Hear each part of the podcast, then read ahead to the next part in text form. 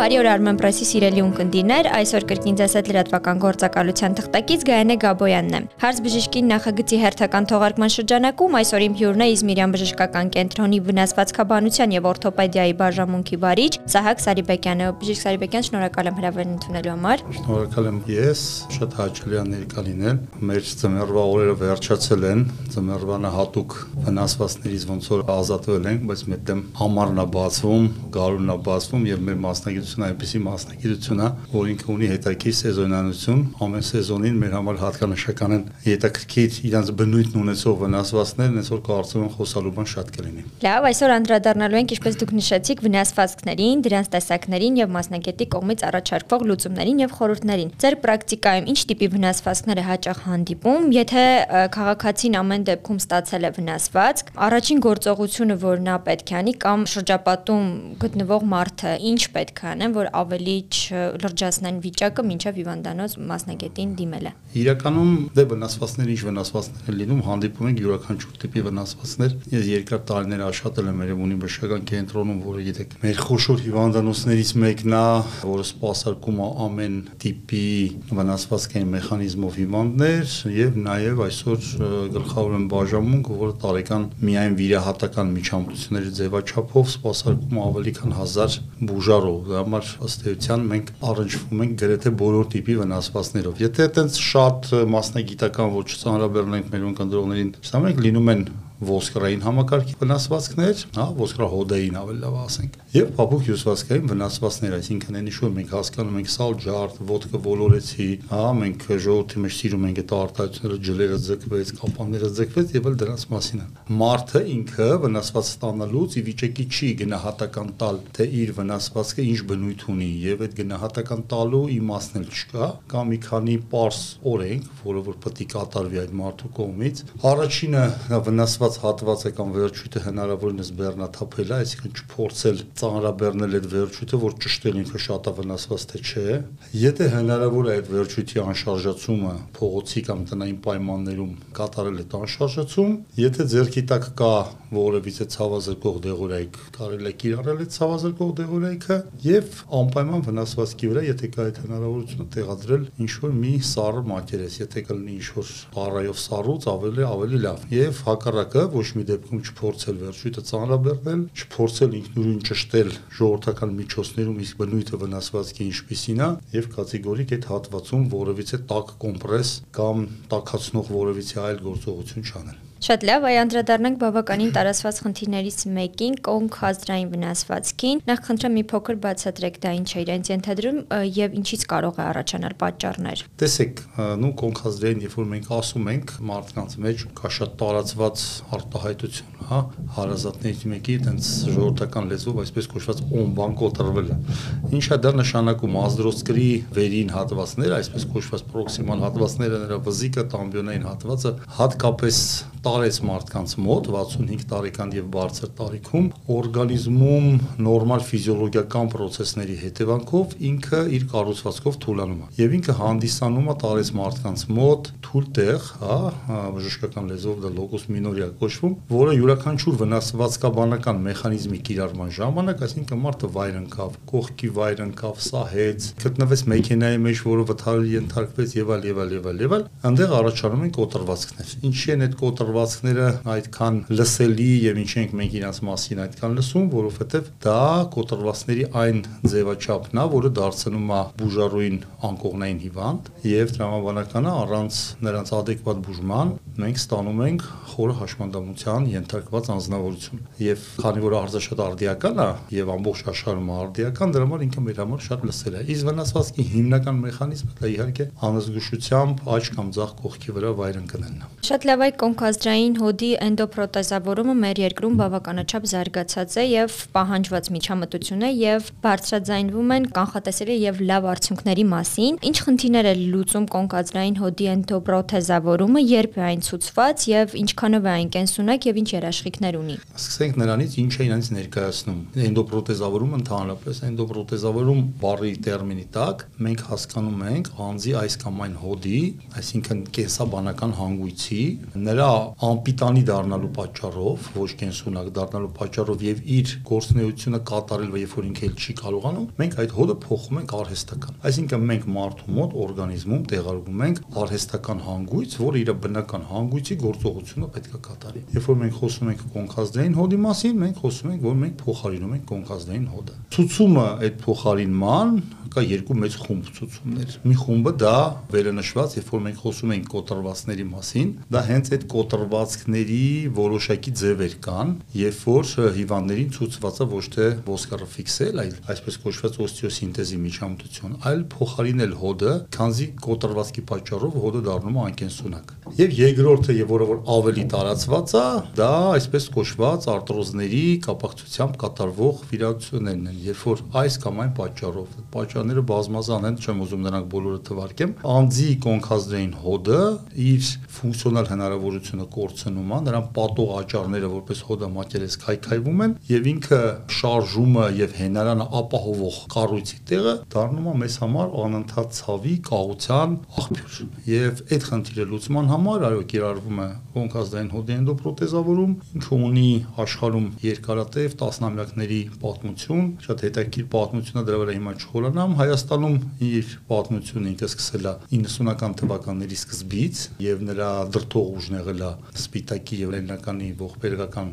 երկրաշարժը, երբ որ մեր մոտ շատ-շատ մարդիկ եկան դրսից մեր հայրենակիցները, որոնք որ շատ լավ մասնագետներ են եւ այդ բանը ներդրեցին Հայաստանում։ Այսօր իհարկե մենք արդեն անհամեմատ ավելի լավ ապահովված թե գործիքներով, թե էնդոպրոթեզների տեսակներով, թե գործողության ապահովման մեխանիզմներով ենք եւ այո կոնկազդային հոդի էնդոպրոթեզ Հայաստան վերաբերյալ մենք կանանք փաստենք, որ Հայաստանում կան բավականին լավ արդյունքներ։ Իսկ ինչքան է տևում վերականգնողական փուլը եւ կարող է օրգանիզմը էնդոպրոթեզը չընդունել եւ ինչ հետևանքների կարելի է սպասել։ Տեսեք, վերականգնողական փուլի վերաբերյալ անձը, եթե միջին ստատիստիկ բուժարոյի մոտ է կատարվում վիրահատությունը եւ պատշաճ կատարված վիրահատությունը ճիշտ ընտրված էնդոպրոթեզով, ճիշտ ընտրված չափերով, երրորդ, չորրորդ օրը հետ վիրահատական անձը դուրս է գալի հիվանդանոցից, արդեն քայլելով, ճիշտ քայլում է հավելյալ հենարանի միջոցով, դա կարող է լինի ձեռնափայտեր, դա կարող է լինի քայլակ եւ հավելյալ հենարանները ինքը պահում է 4-ից 6 շաբաթ, այնուհետեւ անցնում է եւս որոշակի վերականգնողական փուլ եւ սովորաբար 2.5-ից 3 ամսվա ժամկետում կախված տարիքից, մկանային ուժից եւ այլ մենք ունենում ենք արդեն իր սովորական կենսակերպին վերադարձած անձնավորություն Էնդոպրոթեզը հավերժ գործող հանգույց չի։ Էնդոպրոթեզը ունի գործունեության ժամանակ։ Դա միջին ստատիստիկ 15-17, որոշ դեպքերում 20, որոշ դեպքերում 22, բայց որոշ դեպքերում եւ 10-11 տարին են։ Դրա վրա կան ազդող բազմաթիվ գործոններ եւ այդ գործոնները բժիշկը յուրաքանչյուր հիվանդին գնահատելիս պետք է այդ հիվանդին ներկայացնի եւ հիվանդը պետք է ակնկալի այն արդյունքը, որը ինքը պետք է ստանա, այլապես ինքը կմնա միշտ դժգոհ։ Ինչ կապված է օրգանիզմ ընդունել չընդունելուն, նայած ինչ ենք մենք հասկանում դրա տակ։ Եթե մենք խոսում ենք զուտ, այսպես կոչված ասեպտիկ տեղաշարժի էնդոպրոթեզի, երբ որ էնդոպրոթեզը կոնֆլիկտ է առաջացնում ոսկրի հետ, դա շատ հազվագյուտ երևույթ է, շատ։ Խոսքը գնում է տոկոսի 1/10-յորդականի մասին։ Լինում են դեպքեր, երբ որ անհատական ալերգիաներ են լինում որոշակի մետաղների նկատմամբ եւ այլ եւ այլ եւ այլ։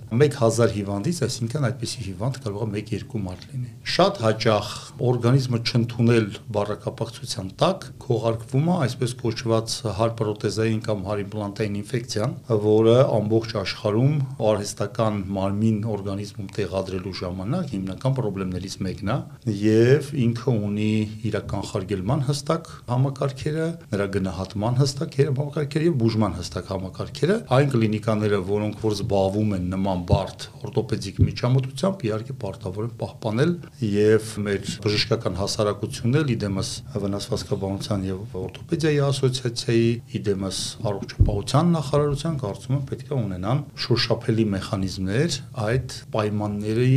պահպանումը վերահասկելու համար, որ մենք այդ խնդիրները ունենանք քիչ։ Դե չէ, այտենց բուն, որ էնդոպրոթեզը չընդունի օրգանիզմը, դա բացարձակ հազվագյուտ երևույթ է։ Շատ լավ, իսկ էնդոպրոթեզավորումից հետո արդյոք անձի ֆունկցիոնալությունը լիարժեք վերականգնվում է եւ նա կկարողանա նորմալ քայլել ոնց որ նախկինում։ Գիտեք, բժշկության մեջ կա բուժարուի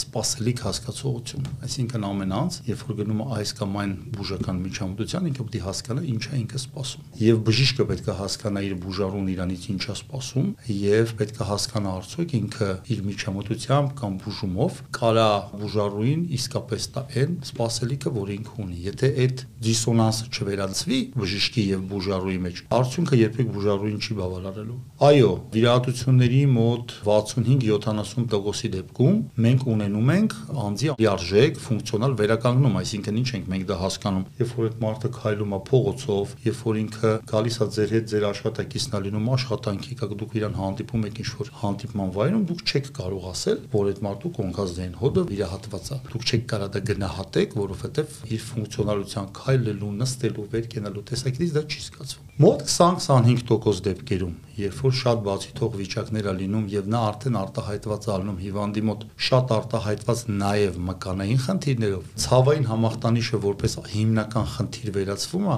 բայց մկանային այսպես կոչված կաղությունը կարող է պահպանվի։ Եվ այդտեղ նաեւ կա բուժարուի աշխատասիրության խնդիրը, որովհետեւ այդ խնդիրը վերածվում է հիմնականում լիարժեք վերականգնողական բուժմամբ եւ վարժություններով։ Սովորաբար տարեց մարդիկ, երբ որ իրանց մոտ ցավայի խնդրի հարցը լուծվում է, իրանք այլևս այդքան ուշադիր չեն իրանց քայլվածքին, իրանք համարում են դա բավարար եւ ըստ էության նրանց սпасելիքը հենց ցավի վերացումն է։ Եվ եթե մենք այդ տեսակետից նայենք այդ հիվանդին, այո, ինքն էլ ունի 100%-անոց արդյունք, որտեւ այդ մարդուն հետաքրքիր չի ինքը քայլելու մեջ մի փոքր իր կոնքը ճոճվում է, թե չէ։ Իր համար կարևորը, որ ինքը հանգիստ քայլում է, ունի ցավազրկող խմելու կարիք, կարողանում է ինքն իրան սпасարկել, կարողանում է դրանից դուրս գալ զբոսնել, անկամ եթե ինքը իր ապահովության համար փորձում է մի փոքր ձեռնապայտ պահի, դա էլ անթունելի։ Դրա համար եթե նայենք հիվանդի սпасելի գեղեցիկի ապահովման, adekvat ապահովման տեսակետից ավելի քան 95% դեպքերում այո հիվանդի սպասելիքները 100%-ով ապահովում են։ Շատ լավ, այսպիսի հարց հղիության եւ ծննդաբերություն էնդոպրոտազավորումից հետո կարելի է թե ոչ, եթե այո, կխնդրեմ նշել ռիսկերը եւ ինչպես ճիշտ վարել հղիության ընթացքը, որպեսզի խնդիրներ չլինեն։ Հետաքրքիր հարց է, ինքը երևի թե չունի միանշանակ պատասխան։ Մենք կարող ենք փաստել մի քանի միանշանակ բան կնոջ օրգանիզմում փոփոխությունները, որոնք տեղի են ունենում հղիության ժամանակ, ստեղծում են էնդոպրոթեզի համար հավելյալ ռիսկեր։ Դա միանշանակ է դա եւ ոսկրի որակի փոփոխությունն է պտղի զարգացման ժամանակ ոսկրի կողմից կալցիի կորուստի պատճառով դա կնոջ քաշի շատ արագ մեծացումն է այդ ֆոնի վրա դա կոնքի ոսկրերի դիրքի փոփոխությունն է պտղի զարգացման ժամանակ այդ բոլոր ֆակտորները իրանք ստեղծում են էնդոպրոթեզի կայունության կորստի համար հավելյալ ռիսկեր ասել, որ այդ հավելյալ ռիսկերը միանշանակ կբերեն խնդրի, մենք չենք կարող։ Այդ իսկ պատճառով մենք չենք կարող բուժարուին ասել, որ դուք չեք կարողանալ հղիանալ եւ մայրանալ։ Տրամաբանական է, որ արգելք դնել մենք չենք կարող։ Երբ որ մենք խոսում ենք էնդոպրոթեզավորման մասին, մենք խոսում ենք պլանային բուժման մասին։ Եվ այդ պլանային բուժումը դա հիվանդի նախապատրաստումն է այդ վիրահատությունը, որի մեջ նաեւ մտնում է այ այս խնդրի քննարկումը, երբ որ մենք խոսում ենք երիտասարդ կանանց վիրահատության մասին։ Մայրացած կինը թե չէ, ունի երեխաներ թե չէ, պլանավորումը նորից երեխաներ թե չէ։ Եթե պլանավորումը մենք շատ հաճախ առաջարկում ենք իսկ գուցե դուք մի հատ հղիությունը տանեք, ծննդաբերեք, փակեք ձեզ համար այդ էջը եւ նոր գնաք վիրահատության, որ հավելյալ ռիսկերի չենթարկվեք։ Բայց ժամանակակից էնդոպրոթեզները պատշաճ տեղադրված եւ պատշաճ ֆիքսված ժամանակակից էնդոպրոթեզը չի հանդիսանում հակացուցում հղիության համար, բայց իհարկե անձի ռիսկերի մասին պետք է իմանա։ Իսկ հղիության ընթացքում հնարավոր է ձեր հետ համագործակցելով պետք է միանշանակ գտնվի օրթոպեդի հսկողության տակ, չնայած զինանոցը այդ մարդուն հսկելու հղիության ժամանակ շատ սակավ է, որովհետև ըստ էության մենդոպրոթեզի վիճակի գնահատման հիմնական գործիքը դա ռենտգեն հետազոտությունն է։ Տրամաբանական է, որ հղի կնոջը մենք ռենտգեն ճառագայթման չենք կարող ենթարկել, բայց իր մոտ եղած գանգատների տեսանկյունից ավելի կարևոր եմ գտնում ոչ թե հղիության ժամանակ, այլ ծննդաբերությունից հետո վաղ 1-1.5 տարին գտնվել անընդհատ հսկողության տակ, որ եթե հղիության process-ը բերել է էնդոպրոթեզի այս կամ այն կոմպոնենտի կայունության պակասին, այդ խնդիրը ժամանակին կանխատեսվի եւ գործողությունները թեկուզ եւ վիրահատական, որոնք ուղղված են այդ խնդրի լուծման համար, կատարվեն ժամանակին, որովհետեւ ինչքան շուտ ենք մենք գնահատում էնդոպրոթեզի կայունության կորուստը եւ ինչքան շուտ ենք գնում այդ կորուստի շտ շտկման գործողություններին, այդքան ավելի բարձր արդյունք ենք ստանում։ Ինչքան երկար է մնում անկայուն էնդոպրոթեզը, պատկերացրեք ինքը մի մետաղա, որը անընդհատ շարժում է ստանում ոսկրի մեջ, ամուր ֆիքսվելու տեղը եւ խարտոցի պես այդ ոսկրը սկսում է քայքայել։ Ինչքան շատ է ինքը մնում, ինչքան շատ է քայքայում, այնքան իր տեղը ուրիշ էնդոպրոթեզ տեղադրելը դառնում է տեխնիկապես ավելի բարդ եւ այդ վիրահատությունից մեր սպասելիքը դառնում է ավելի ցածր։ Այդ տեսանկյունից, այո, ծննդաբերությունից հետո կինը մոտակա 1-1.5 տարին պետքա գտնվի առնվազն 3 ամիսը 1 հաճախականությամբ օրթոպեդի հսկողության տակ։ Շատ լավ, մի փոքր էլ խոսենք շատերի մոտ տարածված հոդերի խնդիրներից։ Ինչ հիվանդություններով են դրսևորվում հոդերի հետ կապված խնդիրները եւ բուժման ինչ մեթոդներ առաջարկում ժամանակակից բժշկությունը։ Երբ որ մենք խոսում ենք հոդային պաթոլոգիաների մասին, նրանք բազմազան են։ Տեսեք, պաթոլոգիաներից մի մաս այդ արտրոզներն են, որոնց լուծումը էնդոպրոթեզավորումն է ունենք սպეციფიկ պաթոլոգիաներ, սպეციფიկ հոդերի մասին։ Ընդհանրապես եթե հերթականությամբ գնանք ամենաբարձր հաճախականությամբ, ամենահաճախ գանգատները մեր մոտ առաջանում են ցնկան հոդերից ցնկան հոդերը ամենազգայունն են հավելյալ քաշի նկատմամբ։ Ցնկան հոդերը ունեն օրգանիզմում ամենաբարդ կապանային համակարգը եւ այդ կապանային համակարգի հետ կապված բազմազան փոփոխություններ կան։ Հա մենք բոլորս լսել ենք արտահայտություն մենիսկների վնասում։ Մենք բոլորս լսել ենք արտահայտություն ցնկան խաչաձև կապանի վնասում։ Այո, դրանք կան։ Նրանք ունեն իր հատուկ գնահատման սանդղակը եւ իրանց բուժման ձևաչափը, որը խիստ փոխկապակցված է հիվանդի տարիքի, իր մոտ արկա գանգատ 사업들이 իր շարժունության նկատմամբ պահանջի համադրումից, այսինքն այստեղ չկա որևիցե ունիվերսալ բուժման միջոց, որը մենք ասենք, այս բուժման միջոցն ում մոտ ինչ խնդիր ելնում ածնկան հոդում, այս որ անում ենք լրիվ լուծվում, հա, անգամ այդ արտրոսկոպիկ միջամտությունները, որոնք շատ մեծ թափով մի պահ մտան հանրապետություն, հետո մենք տեսանք, որ ոչ բոլոր դեպքերում է, որ իրանք այդքան արդիական են լինում, իրանք էլ այդ լուծման մեթոդը չեն։ Ունենք երկրորդը հերթականությամբ դա ուսահոդի ցավերն է։ Ուսահոդի ցավերը սովորաբար պայման պայմանավորված են լինում ոչ թե հոդի հենց խնդիրներով, այլ հարհոդային կառույցների խնդիրներով։ Նրանց լուծումները այլ են կանցնկան հոդում։ Դրա համար գանգատները, որը որ հիվանդն ունի, ինքը պետքա նեղ մասնագետին ժամանակին դիմի եւ այդ գնահատականը տրվի այդ խնդիրների եւ ուղեցույց տրվի հիվանդին, որովհետեւ շատ հաճախ հիվանդությունները, որ մենք ունենում ենք հոդերում, իրանք չեն ունենում բացարձակ բուժում Այսինքն, երբ որ ես խոսում եմ բացարձակ բուժման մասին, ես խոսում եմ ինչ-որ մի գործողության մասին, որը արվեց,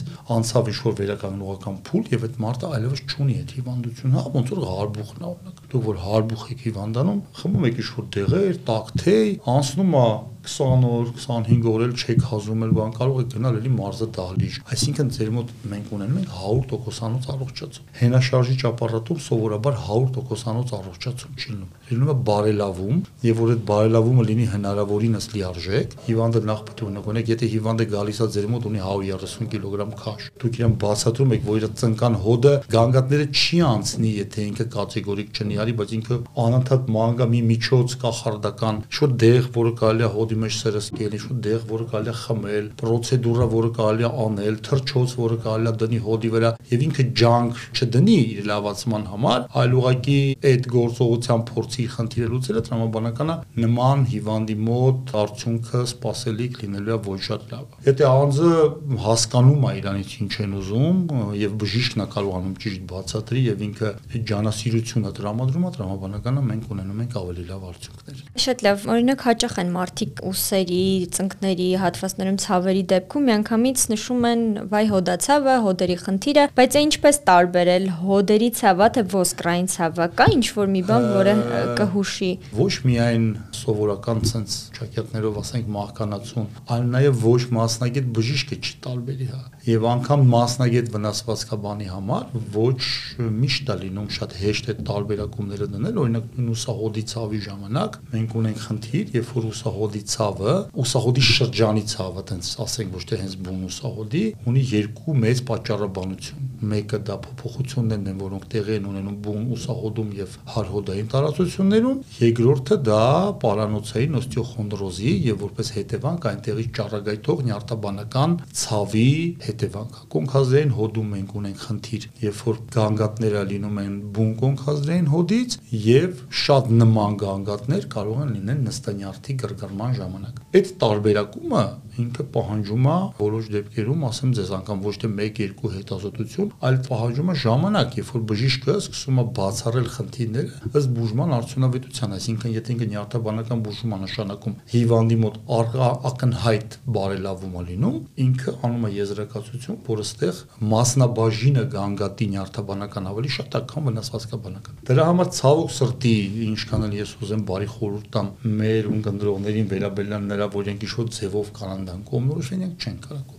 Ուրիշ խնդիր է, որ երևի ոչ յուրաքանչյուր գանգատը եւ ուժգնության միանգամից պետքա պատճառ լինի, որ խոճապ լինի վազելով գնալ մասնագետի մոտ։ Մենք մեր տարիքով ցավոք սրտի չեն երիտասարդանում, մեր հոդերը որպես մեր օրգանիզմը շարժող հանգույցներ, իրանք էլ չեն երիտասարդանում եւ տրամաբանական է, որ ինչքան մենք մեծանում ենք, այնքան մեր հոդերում խնդիրներ լինում են շատ, այ մենք ունենք սպորտային վնասվածքները տենց հատուկ, հա, մենք շատ հաճախ սպորտսմեններ են գալի, ասում են, բա ինչ անենք, որ այս գանգատը չլինի։ Ես միշտ այդ մարդկանց պատասխանում եմ, որ սա ձեր վճարն է, ձեր վարած կյանքի համար, հա, սպորտը ինչ բան է, եթե մարդը սպորտն է, պրոֆեսիոնալ, նշանակում է ինքը միշտ գտնվում է գերծանրաբեռնվածության տակ ինքը գտնվում է իր օրգանիզմի մաքսիմալ հնարավորությունների եզրին։ Ու շատ հաճախ այդ եզրը լինում է շատ բարակ, հա, ինքը ոդկը կարա մի քիչ էս կողմ դնի, մի քիչ այն կողմ, չգիտեմ, եթե ինքը ծանրամարտիկ է, ինքը շտանգան կարող է 5 կիլոգրամ 200 կիլոգրամանոց շտանգայի վրա բարձրացնի եւ այդ 5 կիլոգրամը լինի իր համար արդեն բախտորոշիչ, որովհետեւ դա այն այն վերջի կաթիլն է, որը իր օրգանիզմի հնարավորություններից վեր է։ Եվ իհարկե, դες մարդկանց մոտ հոդա, ցավը, գանգատները դա իրանց կյանքի մշտական զուգընկերն է անհնարին է իրանց անել ինչ-որ մի բան, որ իրանք ընդհանրապես գանգատ չունենան ոչ մի բանից։ Այո, այդ մարդիկ պետք է գրագետ վարվեն։ Այո, այդ մարդկանց ծանրաբեռնվածությունները եւ հանգիստը պետք է ճիշտ հաշվարկվի։ Դա ընդհանրապես շատ հատուկ ոլորտ է սպորտային բժշկությունը, որի մեջ վնասվածքաբանությունը ընդամենը մի մասն է, որը Հայաստանում ցավոք սրտի այս վերջի տարիներին առանձնապես զարգացած չի եղել եւ միայն վերջի 1-1.5 տարին կարծես թե ինչ որ շարժումներ են լինում այդ ոլորտում ավելի գրագետ մասնագիտական ինչ-որ բան ստեղծելու համար։ Հենց որ դժվար է ասել։ Միակ խորհուրդս, որ եթե դուք ունեք կայուն ձեզ անհանգստացնող գանգատ, որի ձեր կենցաղը եւ կյանքի որակը փոխում է, դուք պարտադիր պետք է դիմեք բժիշկ մասնագետին, այլ ձև դուք չեք կարող այդ խնդիրը լուծել։ Եվ ամփոփելով առհասարակ չնայած դուք նշեցիք արդեն մի խորհուրդ, բայց ամփոփելով կխնդրեմ նշեք ձեր խորհուրդը մեր ունկնդիրներին։